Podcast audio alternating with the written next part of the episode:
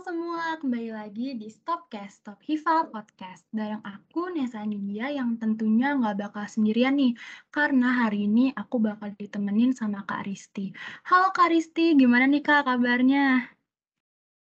Halo, halo Nesya, kabar baik dong pastinya. Kamu gimana nih kabarnya? Wah, mantep banget nih Kak. Aku juga baik dong hari ini. Oke, jadi di Stopcast kali ini kita akan ngebahas topik yang menarik banget nih. Kira-kira teman-teman pada penasaran nggak ya? Harusnya penasaran dong, masa enggak sih? Kita mau bahas apaan sih, Nesya? Nah, biar nggak pada kepo nih Kak, aku langsung kasih tahu aja ya. Kita bakal ngebahas tentang hubungan pengobatan ARV dengan stres pada ODA.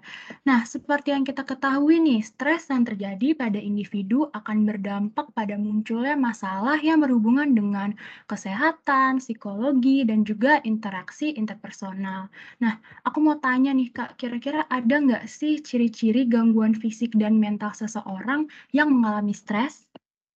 Ada nggak ya? Ada dong pastinya. Pada gangguan fisik, seseorang yang mengalami stres akan mudah terserang penyakit. Sedangkan pada gangguan mental, seseorang yang mengalami stres berkepanjangan akan mengakibatkan ketegangan. Nah, tentunya hal ini akan merusak tubuh dan gangguan kesehatan. Selain itu, pada gangguan interpersonal, stres akan lebih sensitif terhadap hilangnya percaya diri atau PD, individu lebih menarik diri, dan lain-lain.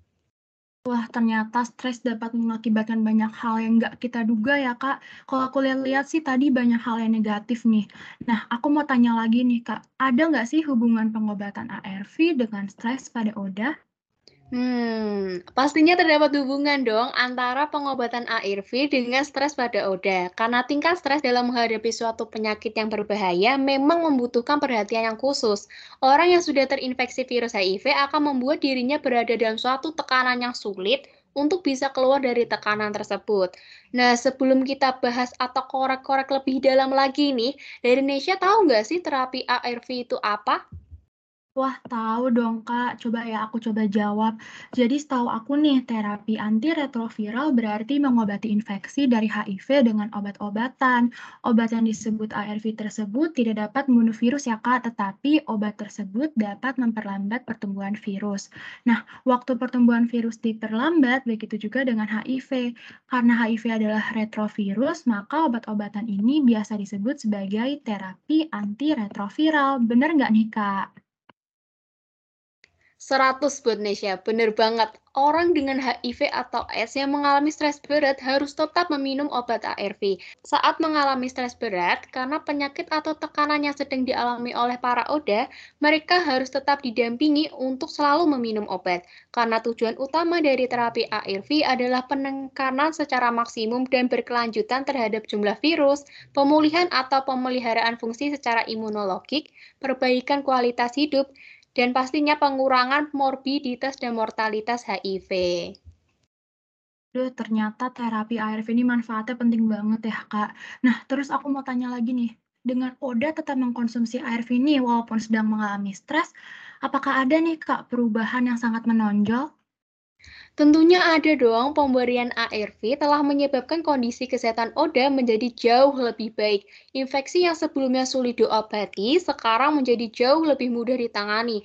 Stres yang dialami oleh para Oda juga berhubungan secara signifikan, di mana para Oda mempunyai tingkat stres yang berat, tetapi dengan tetap meminum obat ARV, hal ini menunjukkan bahwa stres yang dialami mereka tergolong dalam jenis stres eustress yaitu hasil dari respon terhadap stres yang bersifat sehat, positif, dan konstruktif atau bersifat membangun.